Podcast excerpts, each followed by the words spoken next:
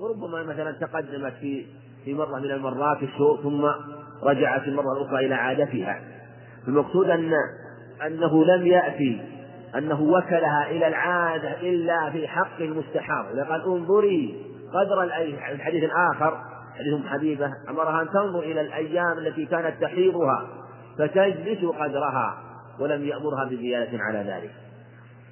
فعلى هذا هذا النظر يكون في المستحاضة هي التي أطبق بها الدم واستمر بها الدم ولم ينقطع. هذه هي محل النظر وهذه لها أحكام. مستحاضة لها لها ثلاثة أحوال. الحال الأولى إذا كانت إذا كان لها تمييز أطبق بها الدم واستمر. سألناها قلنا هل لك عادة قبل أن ينزل بك الدم؟ إما أنها يعني قالت لا تقول لها عادة لكن نسيتها نسيتها.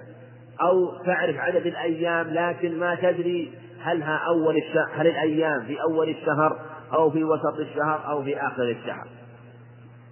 فهذه التي ليس لها عادة ما لها عادة؟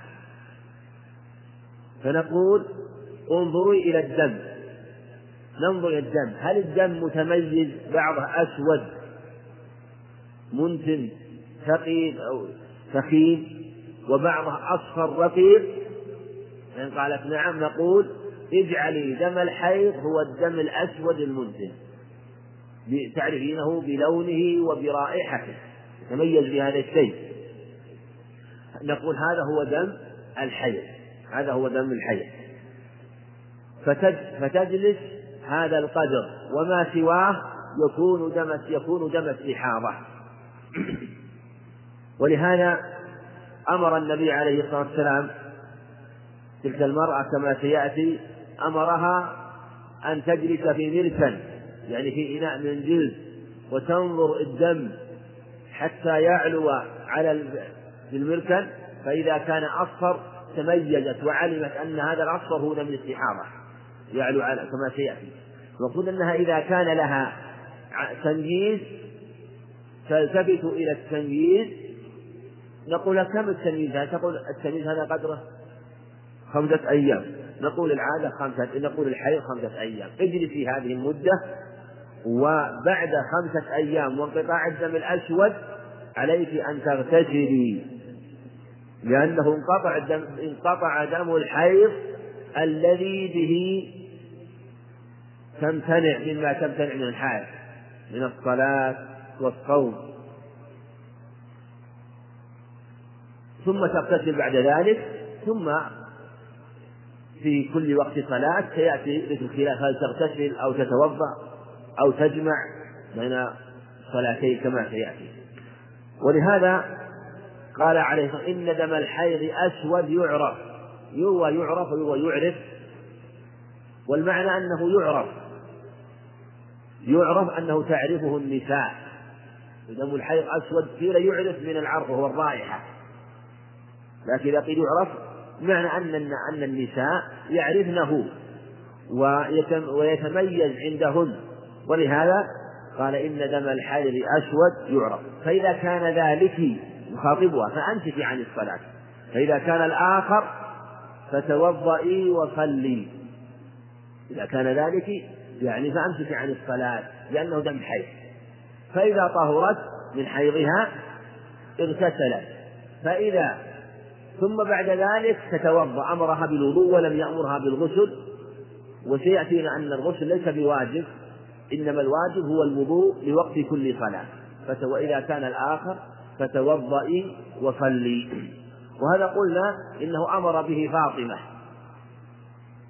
وجاء في اللفظ الآخر فإذا أقبلت الحيضة فدعي الصلاة. وفي الخبر وفي الرواية الثانية الثانية أنه أمرها أن تجلس قدر الأيام التي كانت تحيض. فعلى هذا يحتمل أن فاطمة رضي الله عنها فاطمة بن حبيش وقع لها السؤال مرتين. مرة آه، في أول الأمر أنها كان لها عادة فوكلها إلى العادة. ثم بعد ذلك نسيت عادتها واختلفت نسيت عادتها واضطربت عليها فأمرها أن ترجع إلى التمييز. وقد يكون وقد يكون أن لها عادة أنها كانت معتادة الحيض. أنها معتادة الحيض وأن يأتيها الحيض في أيام معلومة وتعلم العادة تعرفها تعرف وقتها. والمرأة لا يكون عادة إلا إذا عرفت قدر الأيام وفي أي وقت هي. في أول الشهر في وسط في أول شهرها في وسط شهرها في آخر شهرها. تعرف هذا. فهذه تكون معتادة؟ فقد تكون قد تكون معتادة وميتة. بمعنى أن الدم الأسود وافق أيام العادة فاجتمع لها الوصفان. وهو أنها معتادة ومميزة لأن جاء في الخبر في بعض الأخبار أنه وكلها إلى العادة وأمرها أن ترجع إلى العادة وفي هذا الحديث أنه أمرها أن ترجع إلى التمييز. والحديث كما سبق إسناده جيد وهذا إحدى الروايات التي ذكرها مصنف عند أهل السنة نعم. وعن أسماء بنت عميس قالت قلت يا رسول الله. إن فاطمة بنت أبي حبيش استحيضت منذ كذا وكذا فلم تصلي. فقال رسول الله صلى الله عليه وسلم سبحان الله هذا من الشيطان. لتجلس في مركا فإذا رأت صفرة فإذا رأت صفرة فوق الماء فلتغتسل للظهر والعصر والعصر غسلا واحدا وتغتسل للمغرب والعشاء غسلا واحدا وتغتسل الفجر غسلا وتتوضأ فيما بين ذلك. رواه أبو داود والدار قطني والحاكم وقال على شرط مسلم وقد أعله بعضهم. وهذا الحديث إسناده حسن لأنه طريق سهيل بن أبي صالح وسهيل بن أبي صالح لا جيد لا بأس به لا يصل درجة الصحيح بل هو في رتبة الحسن. وهو على هذا القدر هذا الحديث. وحديث أسماء بنت عميس هذا في قصة فاطمة بنت أبي حبيش. وفيه أن استحيضت كذا وكذا فلم تصلي. وهذا يبين أن المرأة إذا استمر بها الحيض مدة إذا طبق بها الدم واستحيضت ثم بعد ذلك تركت العبادة تظن أن تركت الصلاة تظن أن مثل هذا حيض أن مثل هذا حيض ثم تبين بعد ذلك فإن ظاهر الحديث أنها لا يلزمها أن تعيد ما سبق وهو قول لبعض أهل العلم وهو قول جيد.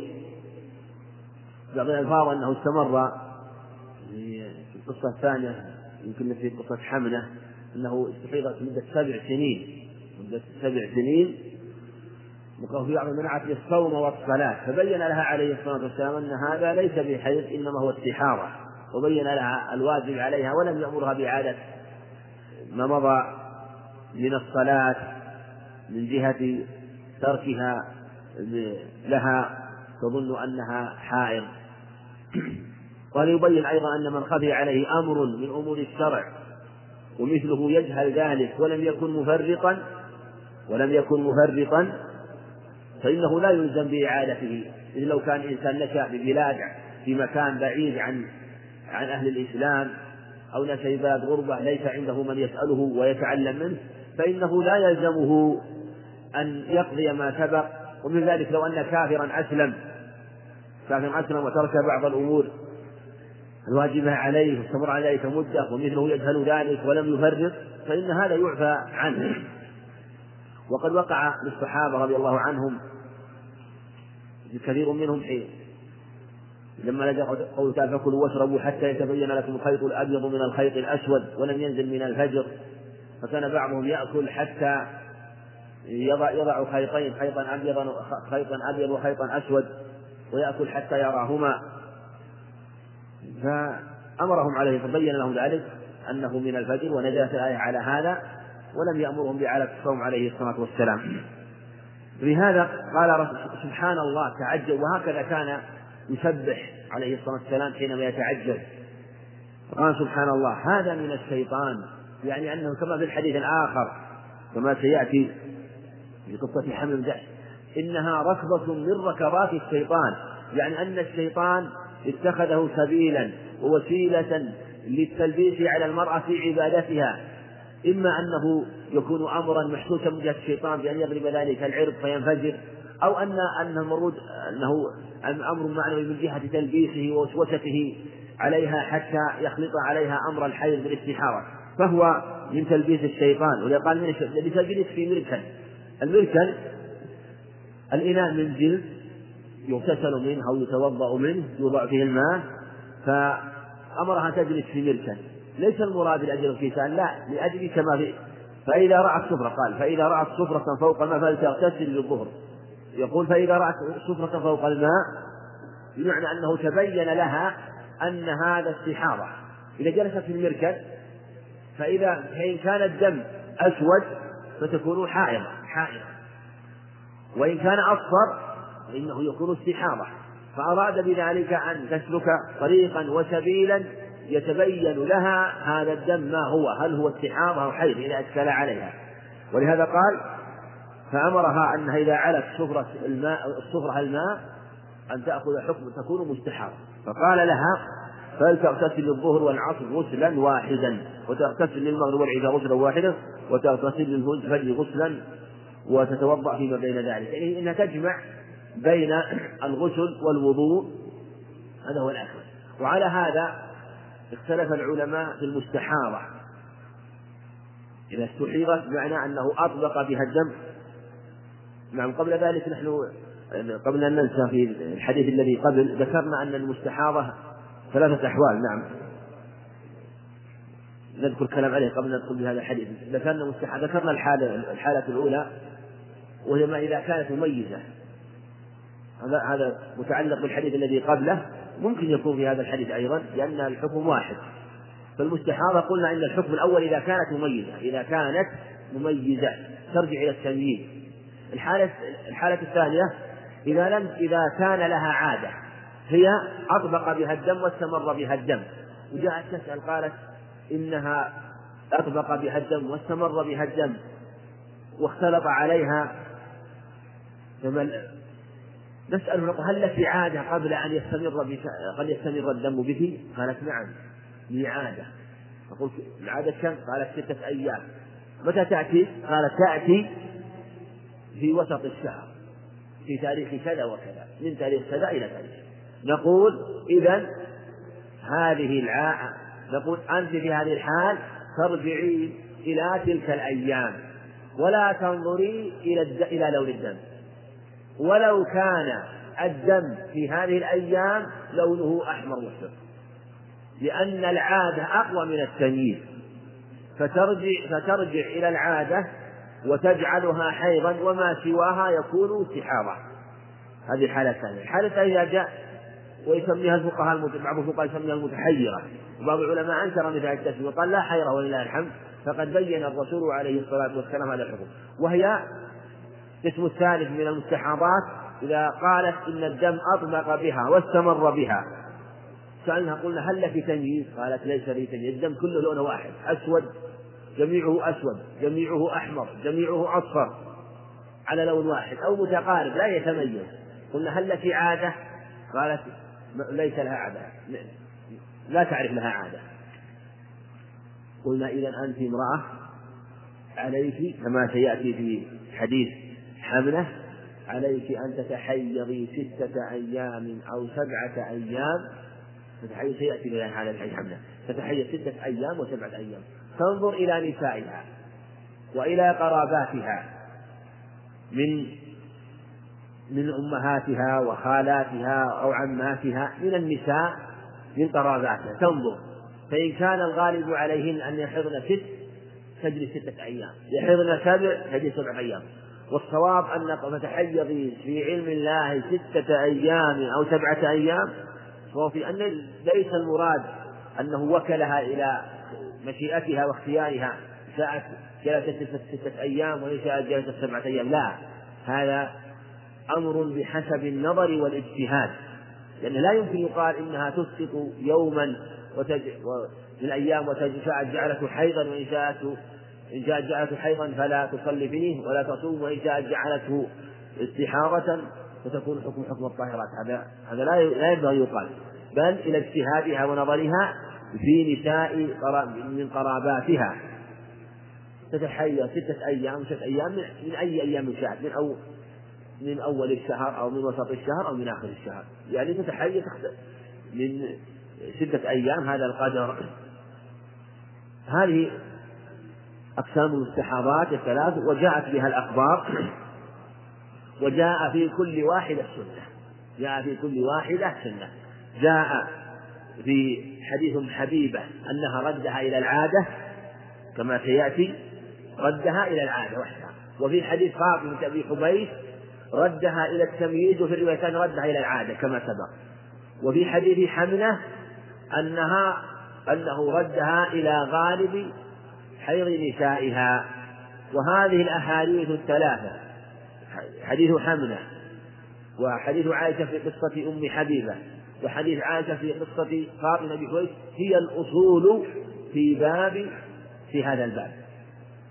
هي الأصول في هذا الباب. فمنهن من تكون معتادة ترجع إلى عادتها ومنهن من تكون مميزة ترجع إلى تمييزها ومنهن من لا عادة ولا تمييز تتحيز غالب ما تحيضه نساؤها وقبل من قراباتها أما مسألة الغسل هنا ففي هذا الحديث كما سبق كأنها لها تمييز وهو كما فأمرها إذا ظهر لها الدم أن تجعله استحاضة إذا كان أصفر. ثم أمرها أن تغتسل للظهر والعصر والمغرب والعشاء والفجر. وسوف يأتي أن هذا الأمر هو الأفضل في حقه أنه قال هذا أعجب الأمرين إليه في قصة حملة. فنقول المستحاضة الأفضل في حقها أن تجمع بين أن تجمع بين الصلاتين الظهر والعصر لكنه جمع سوري كما في حديث تؤخر الظهر وتقدم العصر. معنى أنها تؤخر الظهر في آخر وقتها والعصر في آخر وقت في أول وقتها ثم تصلي تصلي الصلاتين في هذا الوقت وتغتسل وتصلي تغتسل وتصلي غسلا واحدا. ثم المغرب والعشاء تؤخر المغرب إلى آخر الوقت والعشاء في أول وقتها وتغتسل لهما غسلا ثانيا. ثم الفجر لأنها لا تجمع مع ما قبلها ولا تجمع مع ما بعدها تغتسل غسلا ثالثا. فإذا تغتسل ثلاثة أغسال للصلاتين المجموعتين من الظهر والعصر والعشاء وللفجر. لكن هل هذا واجب؟ الصواب ليس بواجب. ليس بواجب. والواجب عليها أن تتوضأ لوقت كل صلاة. هذا الواجب. أما الغسل فإنه سنة. وقد جاء أنه عليه الصلاة والسلام أمر بالغسل عند أبي داود من الطرق أنه أمرها بالغسل. وجاء في بعض الأخبار أنه أمرها بالوضوء كما في حديث فاطمة. فعلى هذا يجمع بين الأخبار في هذا الباب بأن يقال أن الغسل مستحب والوضوء هو الواجب. لكن ولهذا في جاء ما يدل على أنه إذا شق عليها أنها تتوضأ. أنها تتوضأ. فالغسل والجمع بين الصلاتين وسط بين الغسل كل صلاة وبين الوضوء كل صلاة. نعم وعن حمنة وعن حمنة بنت جحش رضي الله عنها قالت كنت أستحاض حيضة شديد حيضة كثيرة شديدة. فأتيت النبي صلى الله عليه وسلم. حيضة نعم أحسن حيضة كنت استحاض حيضة كثيرة شديدة. فأتيت النبي صلى الله عليه وسلم أستفتيه وأخبره فوجدته في بيت أختي زينب بنت جحش.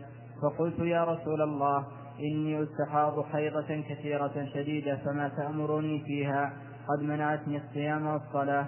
قال أنعت لك الكرسف فإنه يذهب الدم. قالت وأكثر من ذلك. قال فتلجمي قالت وأكثر من ذلك. قال فاتقي ثوبا. قالت وأكثر من ذلك إنما أسد سجا.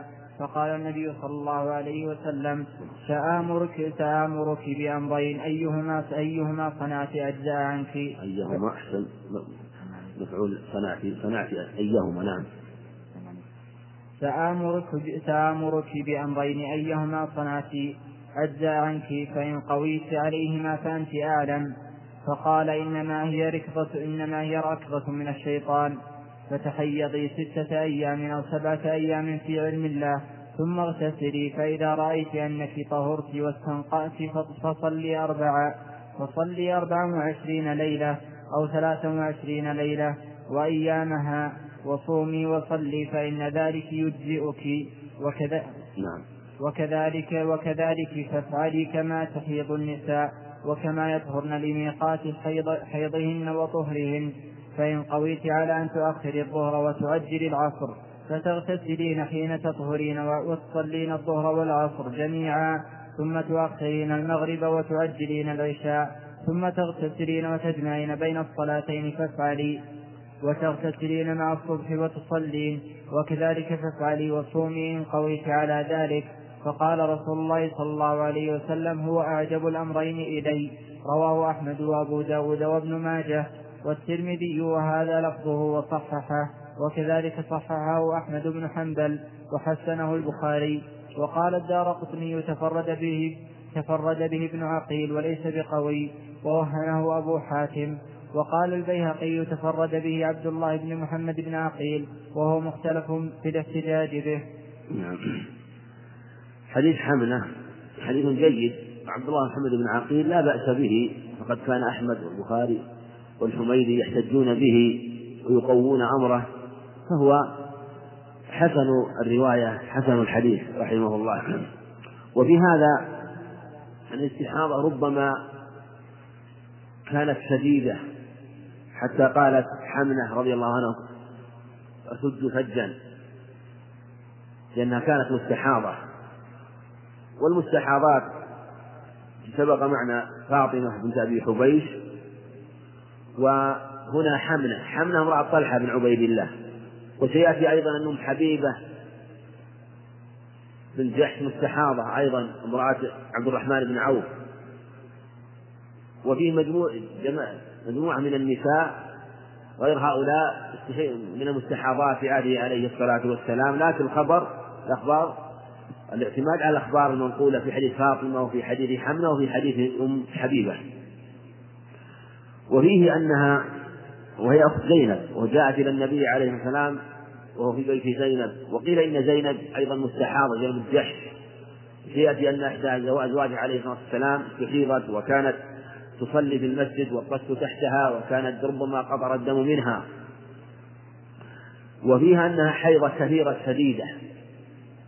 وحتى قالت إنها تسد فجا يعني أنه يسيل سيلان شديد وأنها لم ينفع معها التلجم ولا أنها تأخذ ثوبا وشق عليها ذلك الأمر. لكن الواجب عليها أن تجتهد.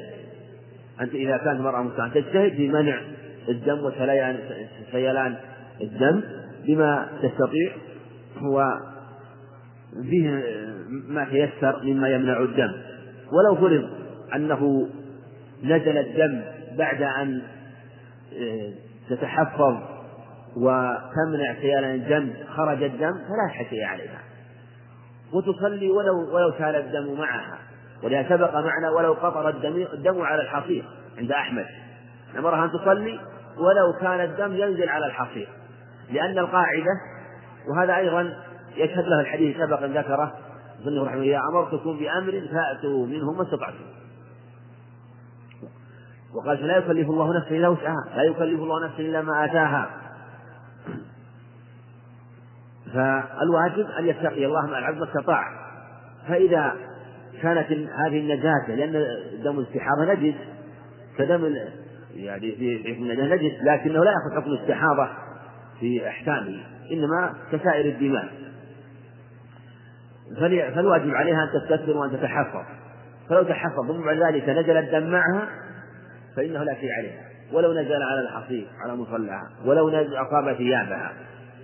لكن إذا كانت سوف تصلي في المسجد عليها أن تجتهد في أن تمنع نزول الدم في المسجد. بأن تصلي في شيء لو نزل شيء من الدم يكون في هذا المكان ولا يقدر المسجد. ثم جاء أن بعض أزواجه كانت يصلي وكان الطست تحتها حتى يمسك الدم فلا ينجس المسجد.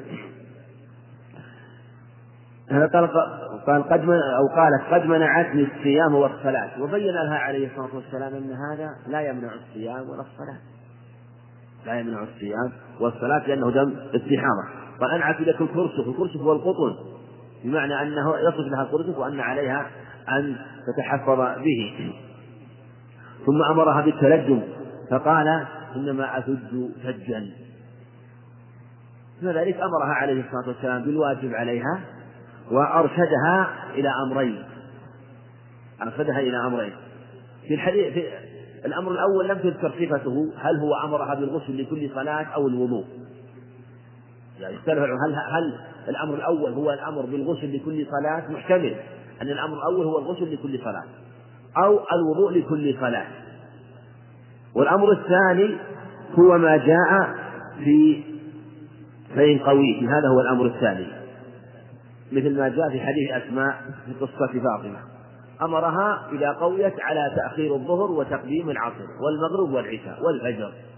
فإذا هذا هو الواجب هذا هو المشروع في حقه وأخبر عليه الصلاة والسلام أن هذا هو أعجب الأمرين إليه وأنه أفضلهما. فهذا يدل على أنه ليس بواجب ليس بواجب عليها بل الواجب عليها هو أن تتوضأ لكل صلاة.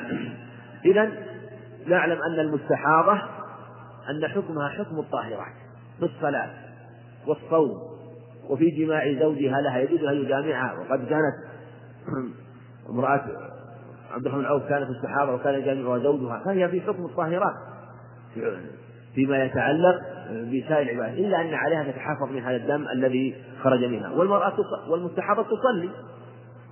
والصلاة أعظم. الصلاة أعظم. فإذا كانت تصلي فإن فإن فإنها تصوم.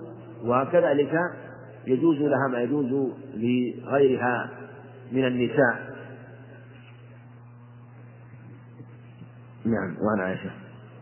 وعن عائشة رضي الله عنها أن أم حبيبة بنت جحش التي كانت تحت عبد الرحمن بن عوف شكت إلى رسول الله صلى الله عليه وسلم الدم فقال لها امكثي قدر ما كانت تحبسك حيضتك ثم اغتسلي فكانت تغتسل عند كل صلاة رواه مسلم. نعم وهذا الخبر عند مسلم في قصة أم حبيبة امرأة عبد الرحمن بن عوف وهي مستحاضة أيضا كما كما سبق وهو أمرها هنا بالرد بأن ترجع إلى عادتها. قال امكثي قدر ما كان تحبسك حيضتك. أمرها أن ترجع إلى عادة. وهذه كان لها عادة. فإذا كان لها عادة واستحيضت ترجع إلى عادتها. ترجع. ثم تغتسل فأمرها عليه الصلاة والسلام أن ترجع إلى عادتها وأن تغتسل ولم يأمرها هنا بالغسل. دل على أن المستحاضة لا يجب عليها الغسل. بل الغسل إذا طهرت إذا انتهت من عادتها إذا كانت معتادة أو من السبيل إذا كانت مميزة أو من أيامها التي تحيض فيها إذا كانت إذا لم يكن لها عادة ولا تمييز. فعليها أن تغتسل غسل الطهارة من الحيض إذا انتهت أيام الحيض. ولهذا قال في لفظ حديث فاطمة بن ثم اغسلي عنك اغسلي عنك الدم. وفي لفظ ثم اغتسلي. فأمرها بأمرين بأن تغسل الدم لفرجها. أولا تغسل الدم لفرجها ثم تغتسل تغسل الأذى أولا. كما أن الجنب المشروع في حقه أن يغسل فرجه كما سبق معنا في حديث عائشة وحديث ميمونة أن يغسل فرجه أولا ثم بعد ذلك يغتسل. فكذلك المستحاضة عليها أن تغسل فرجها ثم بعد ذلك تغتسل. فتغسل الدم لأنه ربما يبقى شيء من الدم. فعليها أن تنظف موضع الدم ثم بعد ذلك عليها أن تغتسل. وقال فكانت تغتسل لكل عند كل صلاة. أنه من اجتهادها رضي الله عنها. فلهذا لو اغتسلت المرأة عند كل صلاة لا بأس بذلك. لكن هذا يشق. ولما كان يشق وكان الغسل أمرا طيبا يطهر البدن ويقويه أمر به عليه الصلاة والسلام لكن مع الجمع بين الصلاتين حتى لا تكثر عليها الأرسال ثم أيضا هو رخصها رخصة ثانية هو الجمع بين الصلاتين. فدل على أن المستحاضة تجمع لكن الجمع هنا هل هو جمع آه، حقيقي معنى أنه في إحداهما؟ ظاهر حديث حمنة أنه ليس جمعا حقيقيا إنما تؤخر العصر الظهر في أول آخر وقتها والعصر في أول وقتها. نعم عن عائشة. وعن عائشة رضي الله عنها قالت اعتكفت مع رسول الله صلى الله عليه اعتكفت مع رسول الله صلى الله عليه وسلم امرأة من أزواجه وهي مستحاضة فكانت ترد فكانت ترى الدم والصفرة والطست تحت تحتها وهي تصلي. رواه البخاري وأبو داود. نعم. وهذا الخبر في أن المستحاضة كما سبق حكم حكم الطاهرات. لها أن تعتكف وتصلي ولا تصلي في المسجد. يجب عليها الصلاة الصلاة واجبة عليها وإذا كان الصوم صوم فرض فيجب عليها الصوم. فحكم حكم الطاهرات لكن عليها أن تتحفظ.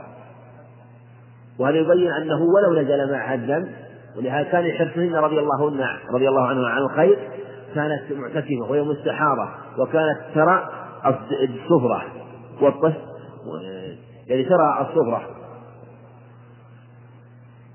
ولا قال والطشت تحتها معناه أنه حتى لا يقذر المسجد. وهذا يبين أيضا أن المستحارة قال وهي تصلي لو أنها صلت توضعت ثم تحفظت من الدم توضأت من الدم ثم خرج الدم معها فإنه لا ينتقض وضوءها حتى ولو خرج وقت الصلاة. هذا هو الصواب وإن قال بعضهم يعني أنها يعني ينتقض وضوءها لا.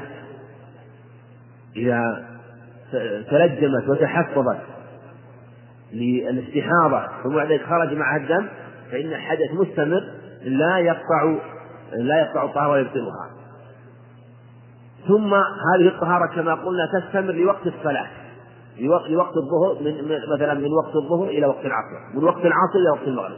فتعمل في هذا الوقت ما تعمله الطاهرات من الصلاة وقراءة القرآن ومس المصحف كله تعمله. ثم إذا دخل الوقت الثاني تتوضأ هذا الواجب. وأخذ العلماء من هذا أيضا حكم من به سلس البول أو سلس المني أو الريح أو جرح يسيل معه مثلا ما ينقطع على القول بأن الدم ينقض وإن كان أظهر أنه لا ينقض فهؤلاء جميعهم يأخذ حكم السحارة من جهة أنه حدثه دائم فلا يبطل وضوءه ولو إذا كان مع السلس البول أو الملي أو الريح يخرج معها الريح مستمر فهذا لا ينتقض وضوءه.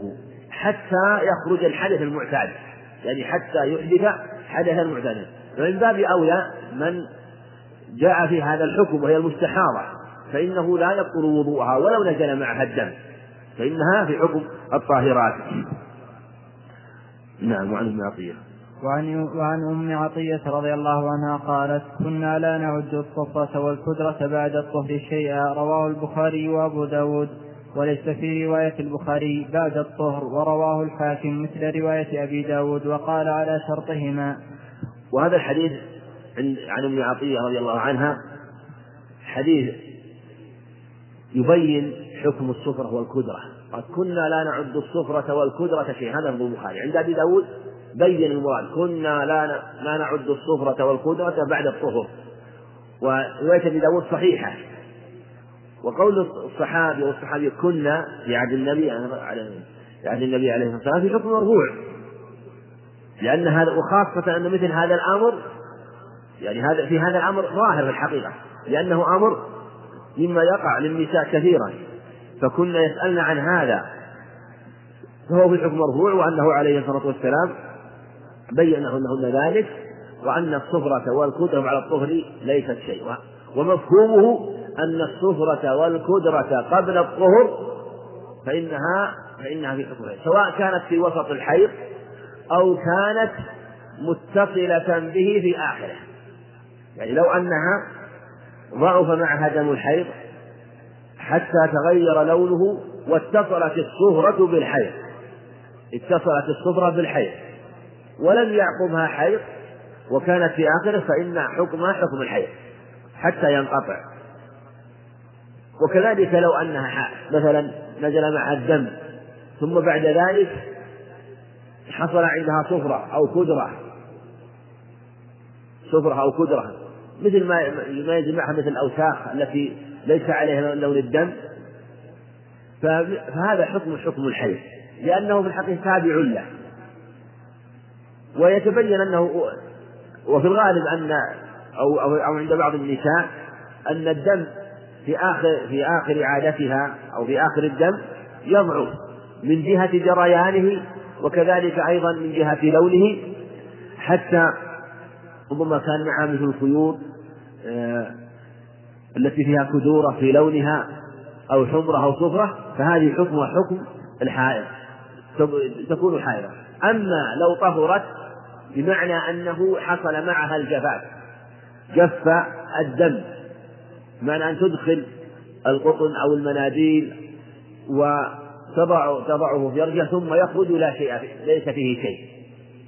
ليس فيه شيء. البتة مطلقا. فرأت الطهر بالجفاف. ثم بعد ذلك خرج معها صهرة بعد طهرها. فإنه لا يعتبر. وكذلك لو كان طهرها بالماء القصة البيضاء. قيل أن القصة البيضاء هو ماء يخرج في آخر الحيض كالخيط. وقيل المراد بالقصة أن أن أن تخرج القطن أو المنديل ليس فيه شيء. أبيض ليس فيه شيء إذا كان أبيض. والأظهر أن المراد بالقصة الماء. وهذا قد يوجد عند كثير من النساء وهو خروج الماء. وكثير منهن يكون معها الجفاف. وقد لا تنزل القصة إلا بعد يوم أو يومين عند كثير من النساء لكن إذا رأت الجفاف مطلقا فإنها تكون طاهرة. تكون طاهرة. ولو لم تنزل معها القصة أو الماء الأبيض. فقد يكون عندها يوجد عندها المطهرات فوجد الجفاف وتوجد أيضا القصة البيضاء بعد ذلك. فالمقصود من هذا أنها تكون أنه إذا نزل معها بعد الطهر فإنه لا يعتبر بل يكون حكم حكم يعني تتوضأ تتوضأ منه وليس حكم حكم الحيض. نعم وعن أنس. وعن أنس بن مالك رضي الله عنه أن اليهود كانوا إذا حاضت المرأة فيهم لم يؤكلوها ولم يجامعوها في البيوت فسأل أصحاب النبي صلى الله فسأل أصحاب النبي صلى الله عليه وسلم النبي صلى الله عليه وسلم فأنزل الله تعالى ويسألونك عن المحيض قل هو أذى فاعتزلوا النساء في المحيض. إلى آخر الآية. فقال رسول الله صلى الله عليه وسلم اسمعوا كل شيء إلا النكاح. رواه مسلم.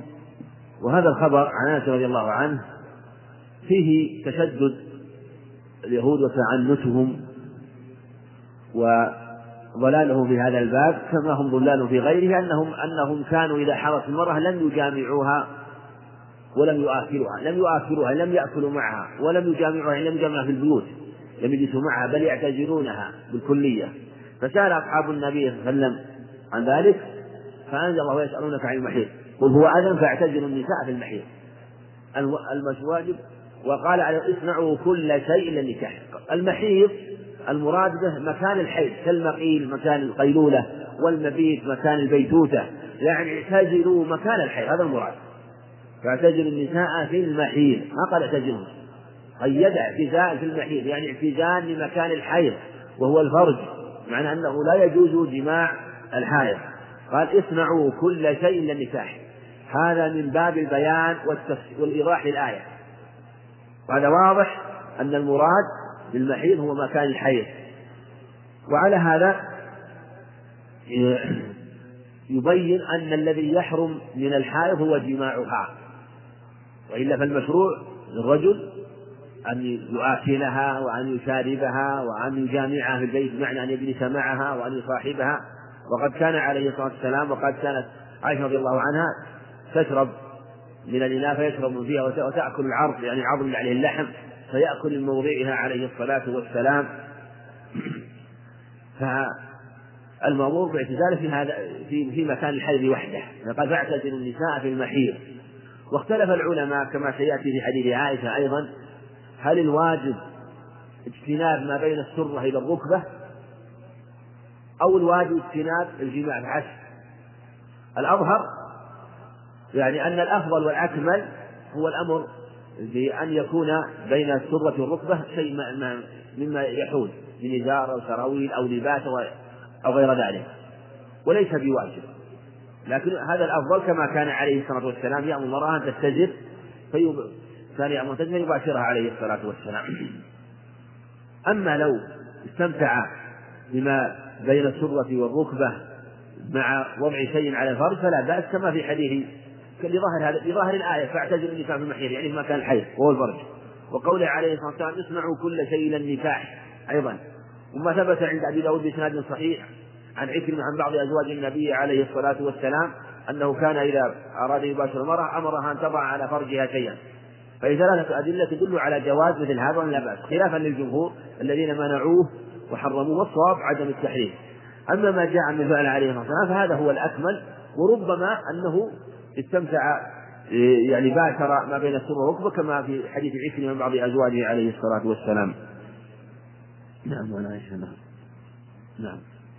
وعن عائشة رضي الله عنها قالت كنت أغتسل أنا والنبي صلى الله عليه وسلم من إناء واحد كلانا جنب وكان يأمرني فأستجر فيباشرني وأنا حائض وكان وكان يخرج إلي رأسه وهو معتكف فأغسله وأنا حائض. متفق عليه واللفظ للبخاري. وثبت معنا أيضا في الصحيحين عن ميمونة أنه عليه الصلاة والسلام كان يأمر أن تستجر ثم فيباشرها عليه الصلاة والسلام. ولا سبق كلام عليه. وفيه أيضا هنا أن أنه لا بأس للرجل مع المرأة أن ترجل رأسه وعن وكذلك ولو كان في المسجد ولو أدخلت يدها في المسجد فلا بأس أيضا. ولهذا كان يخرج رأسه عليه الصلاة والسلام إلى عائشة وكانت ترجل رأسه وكان يقرأ القرآن وكان في حجر عائشة وهي حائض عليه الصلاة والسلام. نعم. وعن ابن عباس. نعم. وعن ابن عباس رضي الله عنهما عن النبي صلى الله عليه وسلم في الذي يأتي امرأته وهي حائض قال يتصدق بدينار أو نصف دينار رواه أحمد وأبو داود وابن ماجه والنسائي والترمذي والحاكم وصححه وقال أبو داود وهكذا الرواية الصحيحة. وهكذا وهكذا. وهكذا الرواية الصحيحة. نعم. قال دينار أو نصف دينار وربما لم يرفعه شعبة وقال ابن السكن هذا حديث مختلف في إسناده. في إسناده ولفظه ولا يصح مرفوعا وخالف ابن القطان وصحح الحديث وقد وهم من حكى الاتفاق على ضعفه. وقال ابن مهدي قيل لشعبة إنك كنت ترفعه. قال إني كنت مجنونا فصحح فصح صحح. فصحح. نعم نعم حديث ابن عباس هذا عند أحمد وأبي داود. حديث جيد وصحح بعض ابن القطان وهو الأظهر والصواب. وممن كان يقويه أيضا ويقول به سماحة الشيخ عبد العزيز بن باز غفر الله له ورحمه كان يقول بهذا ويفتي بهذا ويقول مقتضى هذا الحديث ويقول ان اسناده جيد عند أبي داود. وهكذا وإسناده هكذا جيد عند أبي داود. لهذا قال أبو داود رحمه الله هكذا الرواية الصحيحة. بمعنى أن الروايات الأخرى ضعيفة. يعني جاء في روايات أنه إذا جاءها في إقبال الدم فدينار. وإن كان في إدبار الدم فنصف دينار. معنى أنه يعني إذا جاءها وهي حائض فهو دينار. وإن كان أتاها بعدما انقطع حيضها قبل أن تغتسل أو في آخر الحيض وضعفه فإنه نصف دينار. أو في بعض الروايات إذا كان أحمر فدينار وإذا كان نصف إيه، أصفر فنصف دينار وبعضها خمسي دينار. رواية جاءت كلها ضعيفة. والصواب في هذا أنه لا تجوز الكفارة إلا إذا جامعها وهي حائض. أما لو جامعها بعد الطهر بعد يعني يعني هو هو عليه إذا جامعها وهي حائض عليه أمران عليه التوبة من هذا لأنه أتى أمرا محرما وعليه كفارة. وكذلك أما إذا كان بعد انقطاع الدم قبل الغسل فهو حرام.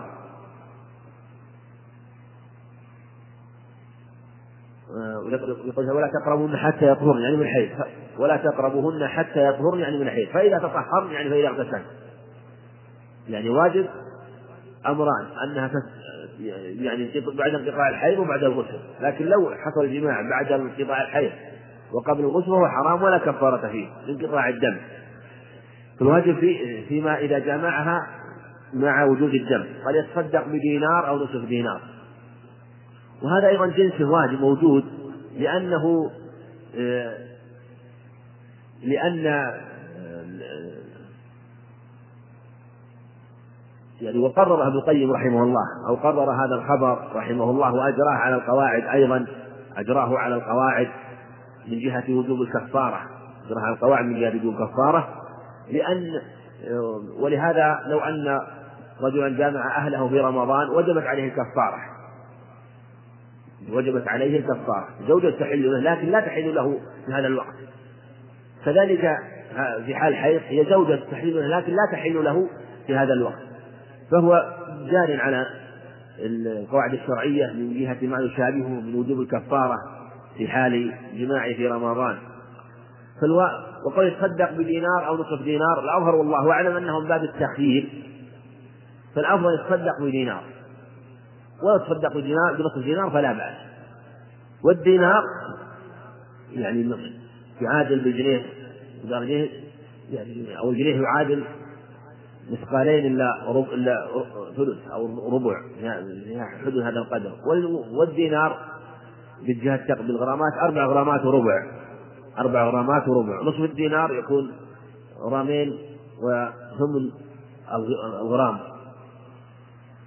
فإذا أخرج مقدار ذهب بهذا المقدار أجزى أو أخرج قيمته من الفلوس من الدراهم بما يساوي الغرام كم يساوي الجنيه الغرام من الذهب سواء كان تبر أو مضروب.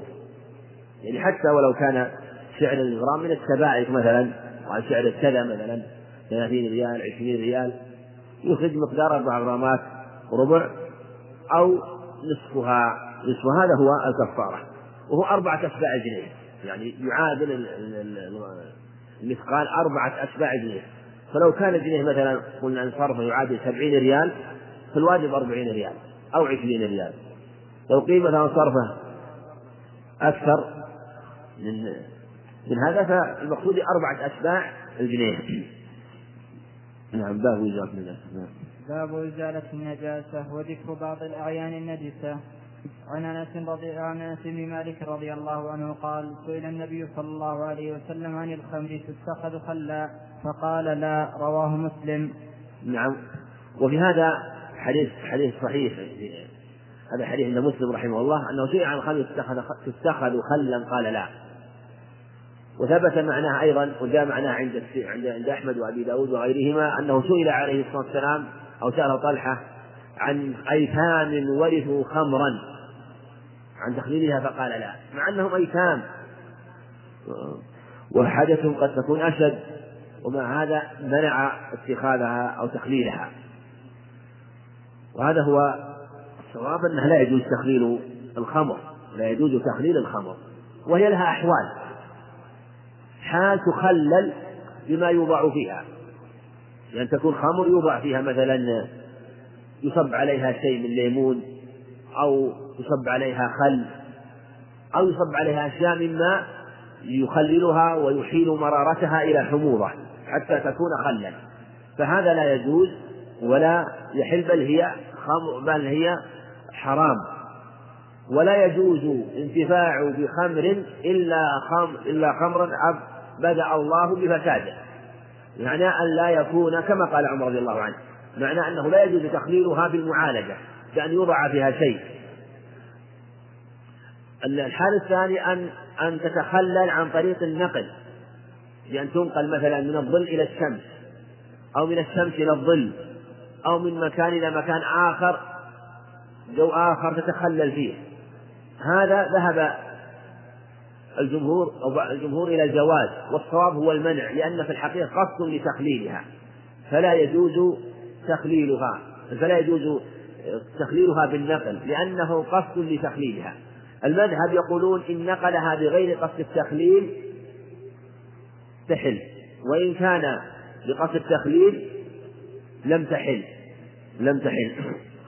وهذا واضح إذا كان يعني لم يدر في الخلل بأن يقصد تخليلها نقلت مثلا هذا موضع للحاجة إلى هذا المكان للحاجة لهذا المكان أو لغير ذلك.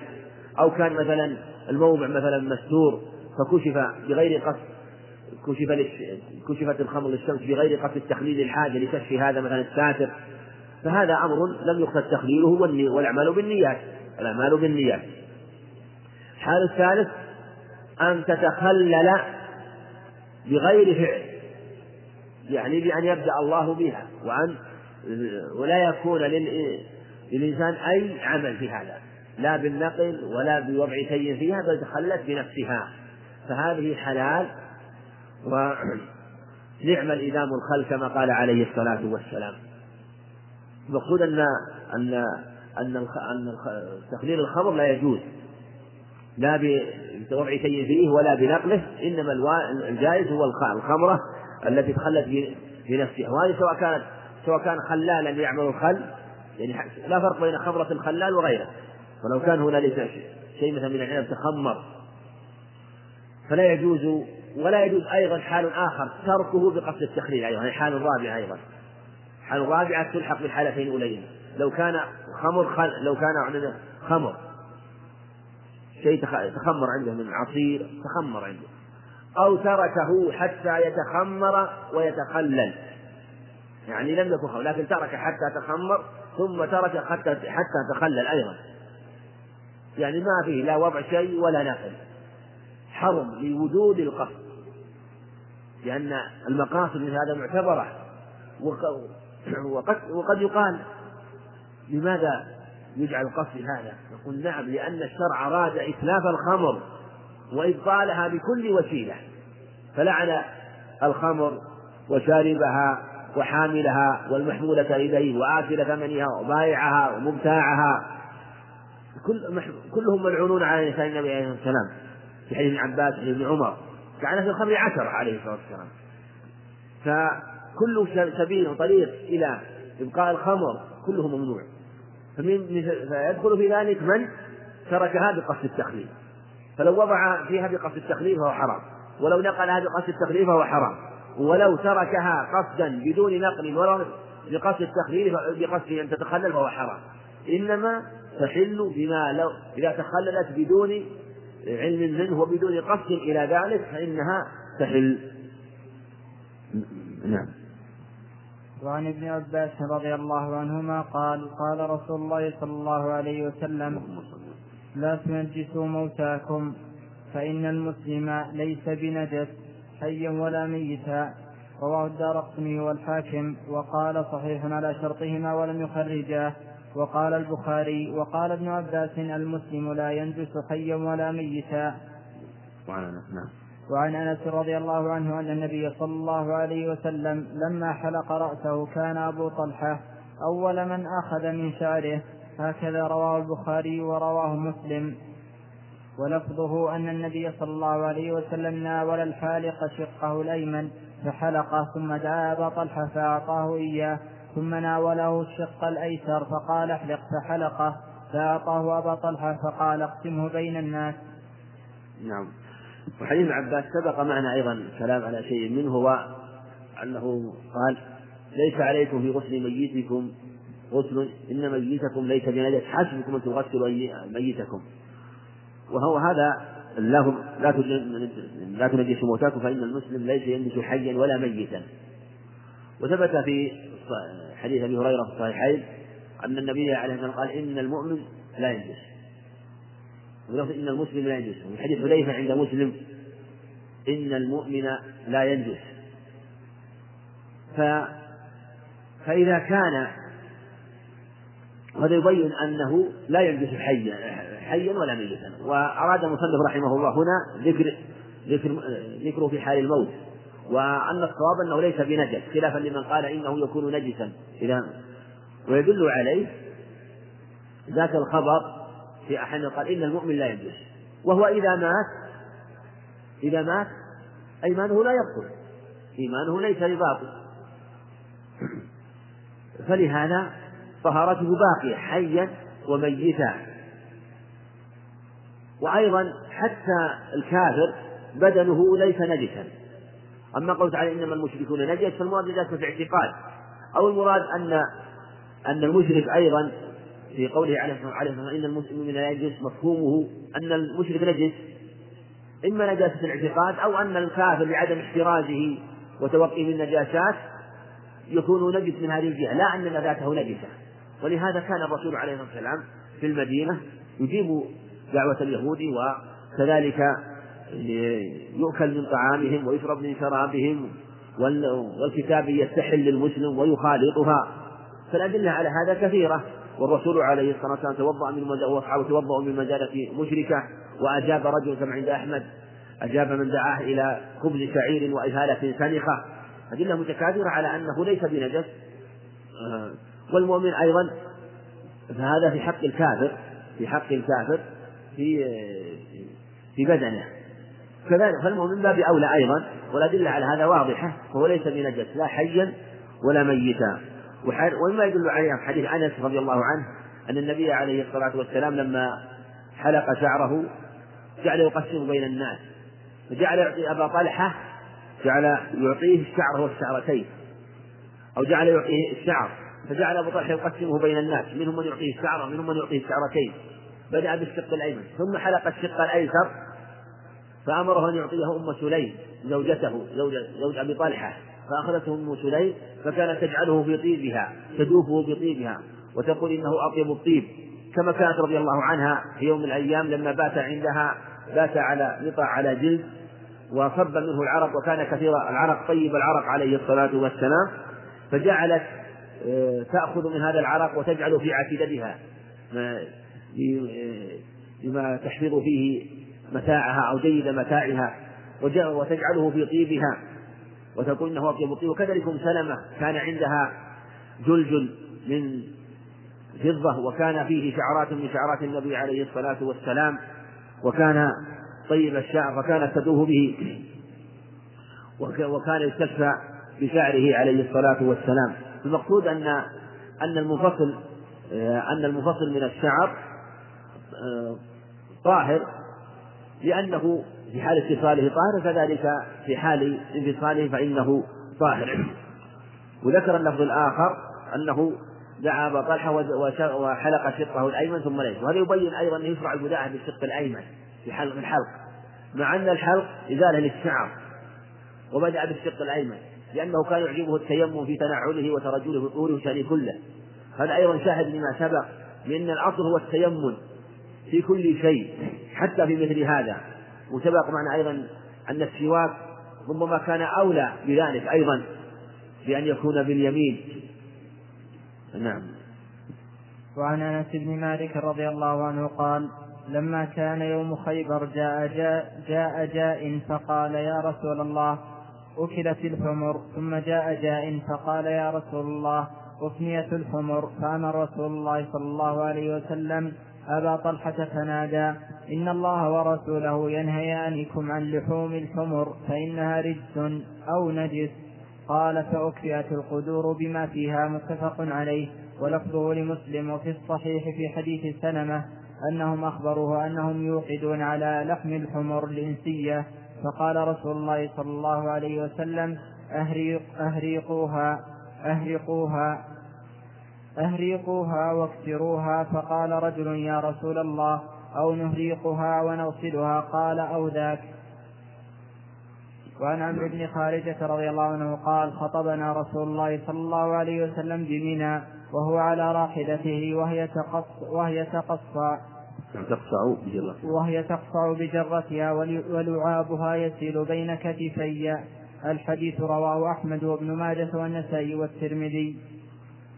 نعم. حديث أنس بن مالك هذا في الحمر الأهلية متواتر لأن صحيحين جاء عن جماعة من الصحابة جاء عن أنس بن مالك كما هنا وجاء عن سلم الأكوع صحيحين جاء عن البراء بن عازم وعبد الله بن أبي أوفى في الصحيحين جاء عن ابن عمر وعن جابر بن عبد الله. عن حديث عن جماعة من الصحابة رضي الله عنهم الصحيحين وعن وجاء عن جماعة آخرين عند عند غيرهما.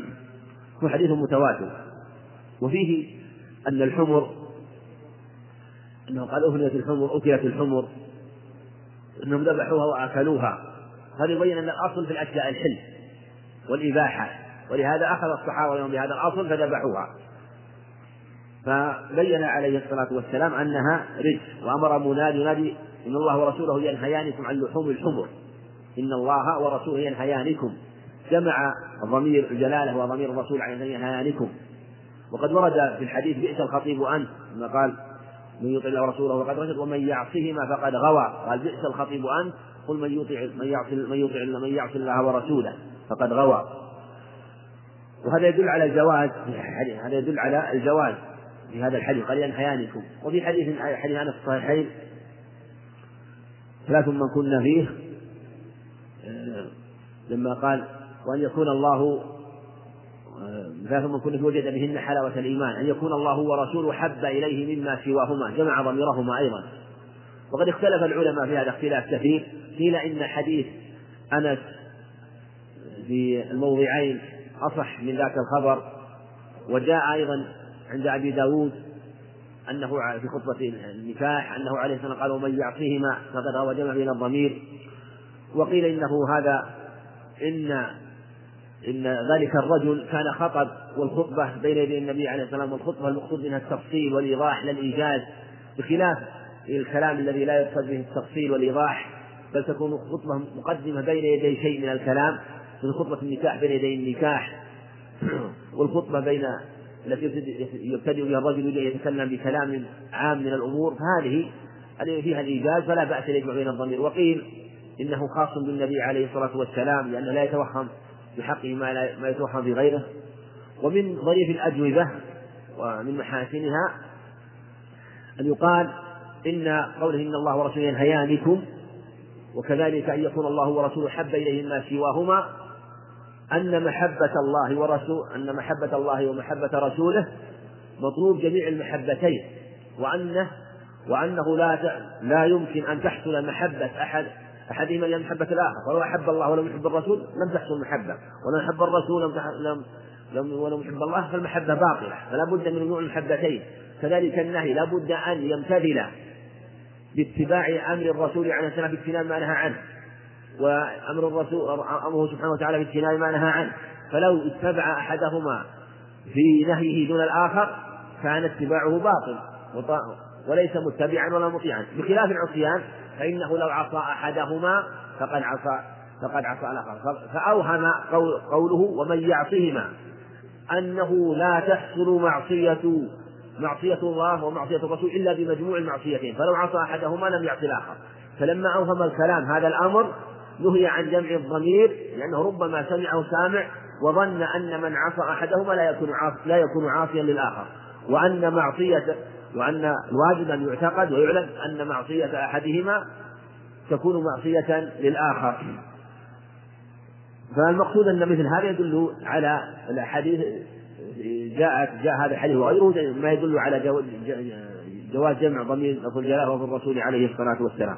قال إن الله ورسوله ينهاكم عن لحوم الحمر. قال فإنها رجس. هذا صريح وواضح لقول أهل العلم وهو يقتل إجماع منهم وإن خالف من خالف أن لحوم الحمر نجسة ورجس. قال إنها رجس. ويجب اجتنابها وأنها حرام ولا يجوز أكلها. وهذا المراد الحمر الأهلية. الحمر الأهلية. أما الحمر الوحشية فهي حلال. باتفاقهم. ولهذا أمر بإغراقها وأمر بكسر القدور باب يعني باب العقوبة.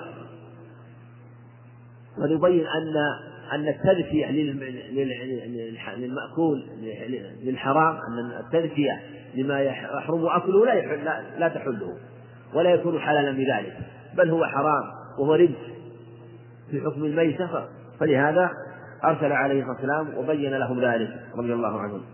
وحديث عمرو بن خالدة في بيان وهو حديث حسن من طريق سهل بن حوشب بيان أن أن مأكول اللحم أن لعابه طاهر ولهذا كانت تسيل يعني يسيل لعابها بين كتفيه عليه الصلاة والسلام وخطب بل في إذا كان في مثل ذلك المقام ويخطب الناس في ذلك المقام العظيم الشريف ففي غيره أولى المقصود أن مثل أن لعابها طاهر كما أن من أن بولها طاهر وروثها طاهر فلعاب لعابها أولى بذلك.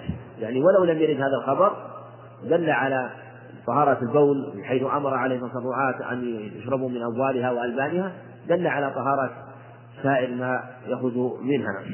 نعم. وهذا في مأكول اللحم.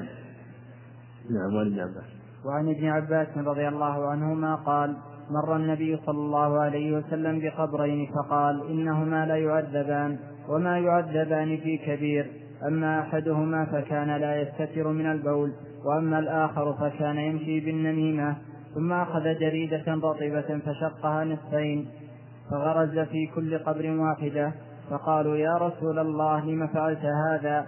قال لعله يخفف عنهما ما لم ييبسا متفق عليه. ولفظه للبخاري وقد روي بثلاثة ألفاظ يستتر ويتنزه ويستبرئ فالأولان متفق عليهما والأخير انفرد به البخاري. نعم. وعن عائشة رضي الله عنها أن رسول الله صلى الله عليه وسلم كان يغسل المني ثم يخرج إلى الصلاة في ذلك الثوب وأنا أنظر إلى أثر الغسل فيه متفق عليه واللفظ لمسلم. وفي رواية له عن عائشة لقد رأيتني أفركه من ثوب رسول الله صلى الله عليه وسلم فركا فيصلي فيه وله أيضا عنها لقد رأيتني وإني لأحك وإني لأحكه من ثوب رسول الله صلى الله عليه وسلم يابسا بظفري. نعم.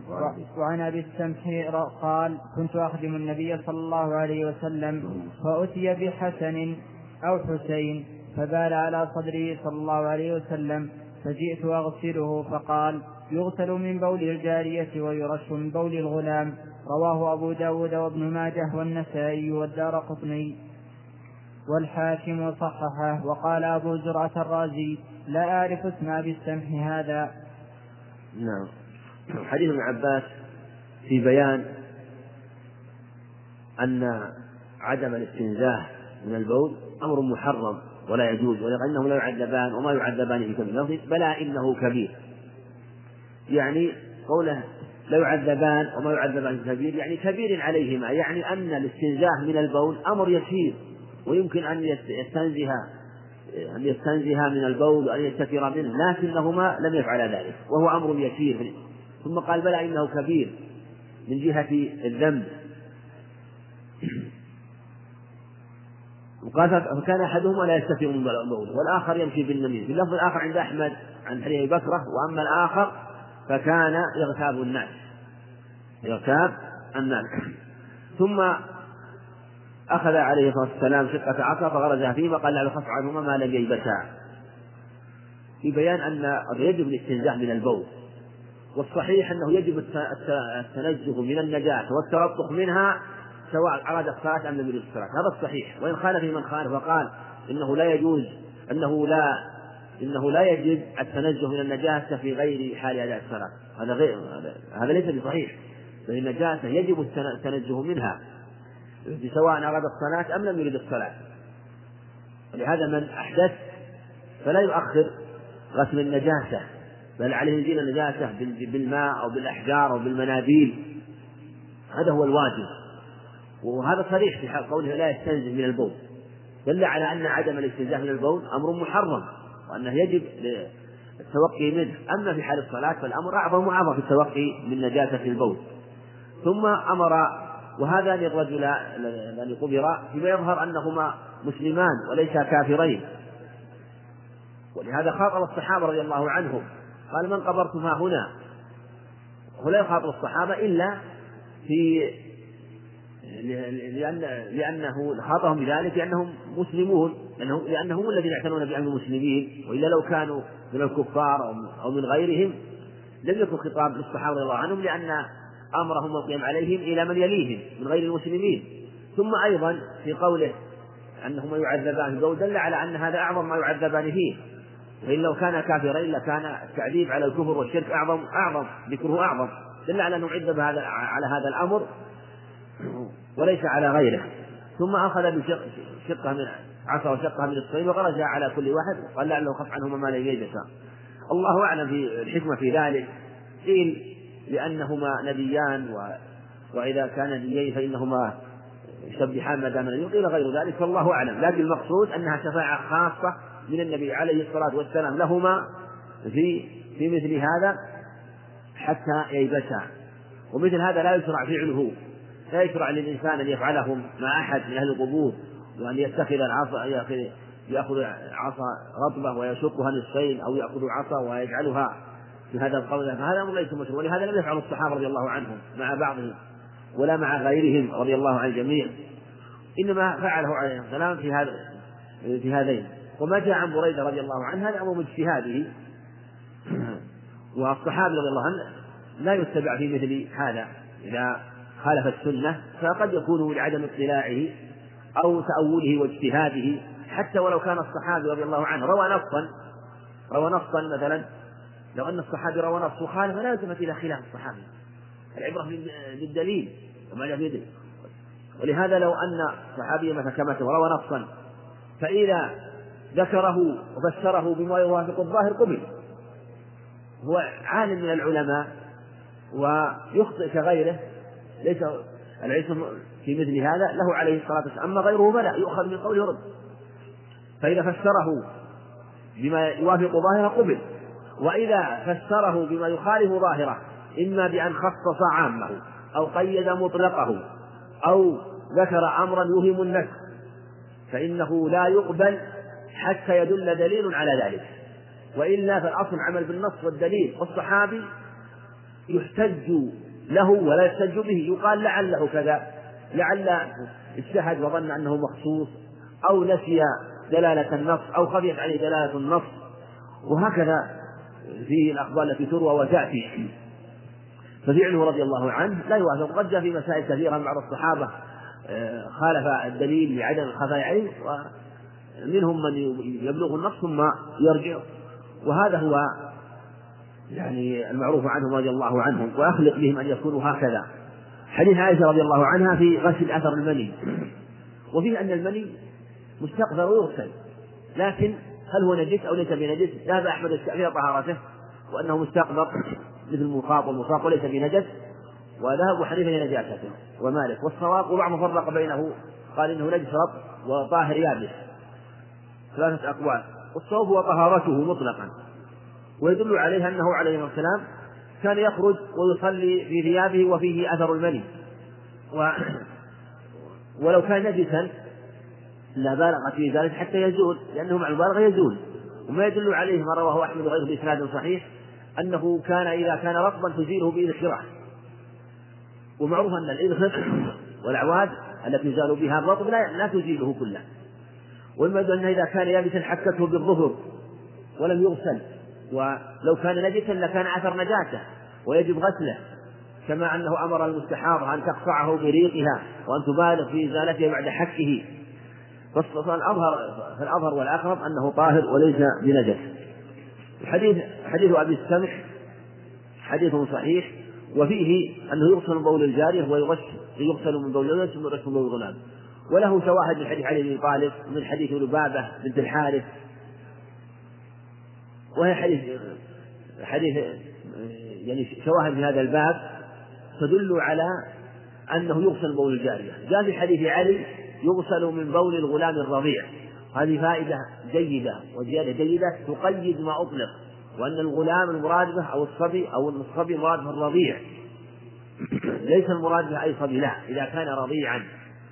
وهذه ولهذا قتادة قال هذا ما لم يطعما فإذا طعما غسل يعني جميعا. فالصبي والصبية إذا أكل إذا أكل الطعام فحكمه حكم الكبار. نجاسة تكون مغلظة فالواجب الغسل. أما إذا كان لم يأكل الطعام فيفرق فبول الصبي يرش وبول الجارية يغسل. بهذه الأخبار.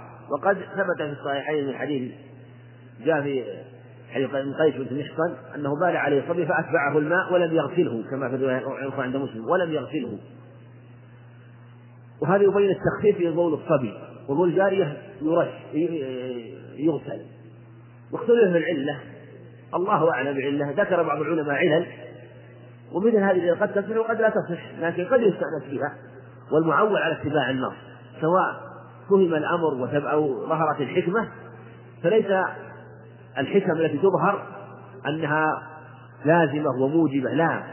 إذا تبينت الحكمة وكانت مطابقة تماما جزم بها أو كانت من تعليل الشارع جزم بها. أما إذا لم تأتي من تعليل الشارع فيستأنس به يقال لعل العلة كذا لعل الحكمة كذا لعل الأمر كذا.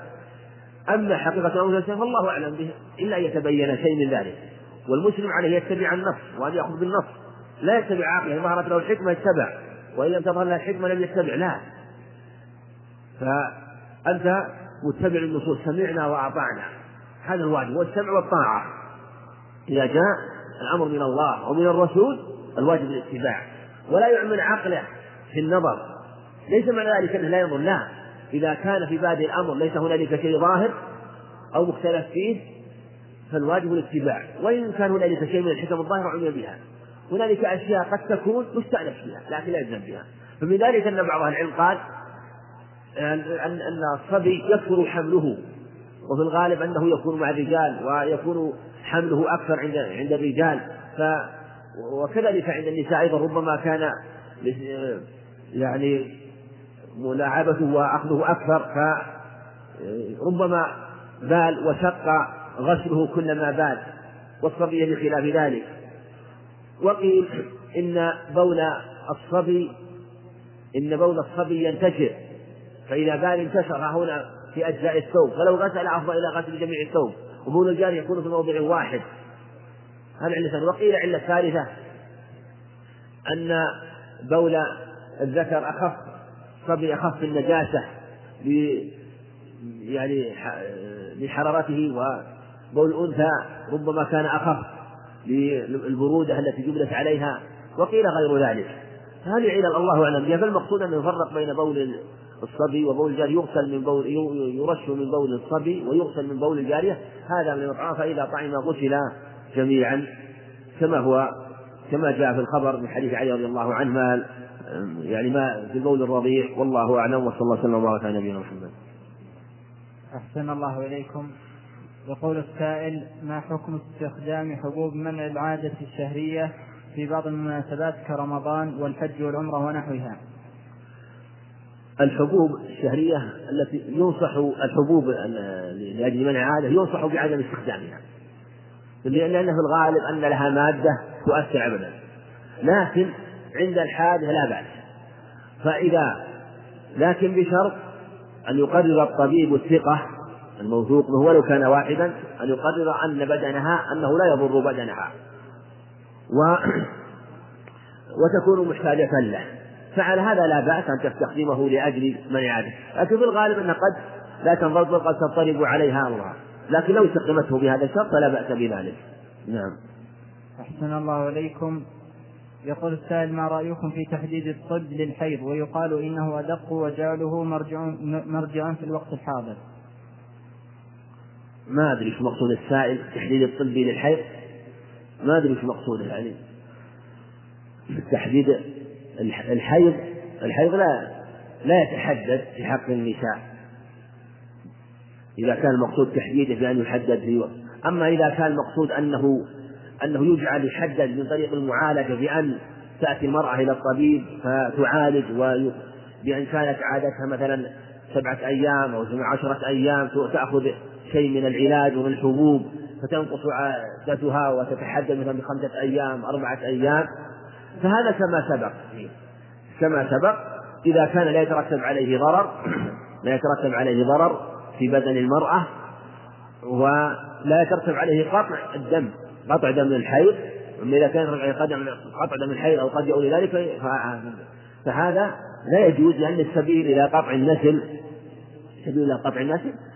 إلا مع الضرورة والحاجة إليه فإذا كان المقصود تحديده بذلك ويكون حكم حكم استخدام الحبوب. وإلا ف وإلا فالحيض لا يتحدد عند النساء. فبعض النساء تحيض مدة طويلة وبعضهن تكون مدة وسط وبعضهن مدة قصيرة. يختلف اختلافا كثيرا. نعم. أحسن الله إليكم. يقول السائل ما الفرق بين الصفرة والكدرة؟ الصفرة أن يكون لونه أصفر والكدرة أن يكون نوع من الوسخ عليه شيء من الأوساخ. ولهذا جمعنا كنا نعد الصفرة والكدرة جعل الصفرة والكدرة جميعا بعد الطهر بعد الطهر. وفي حديث عائشة عند أبي داود في المرأة ترى ما يريبها ترى ما يريبها بعد الطهر. قال إنما هو عرق أو عروق. فهذه من العروق سواء كانت صفرة أو كدرة بعد الطهر. فالصفرة يكون لونها مشرقا والكدرة يكون نوع من الوسخ نعم. أحسن الله إليكم. يقول السائل هل يوجد شروح لهذا الكتاب وهل يحفظه طالب العلم أو يبدأ بالبلوغ قبله؟ ما أعرف للشروح لهذا الكتاب ما أدري. أما الحفظ فمن أراد حفظ شيء من المتون لا لا يشجع ويعاني في مثل هذا.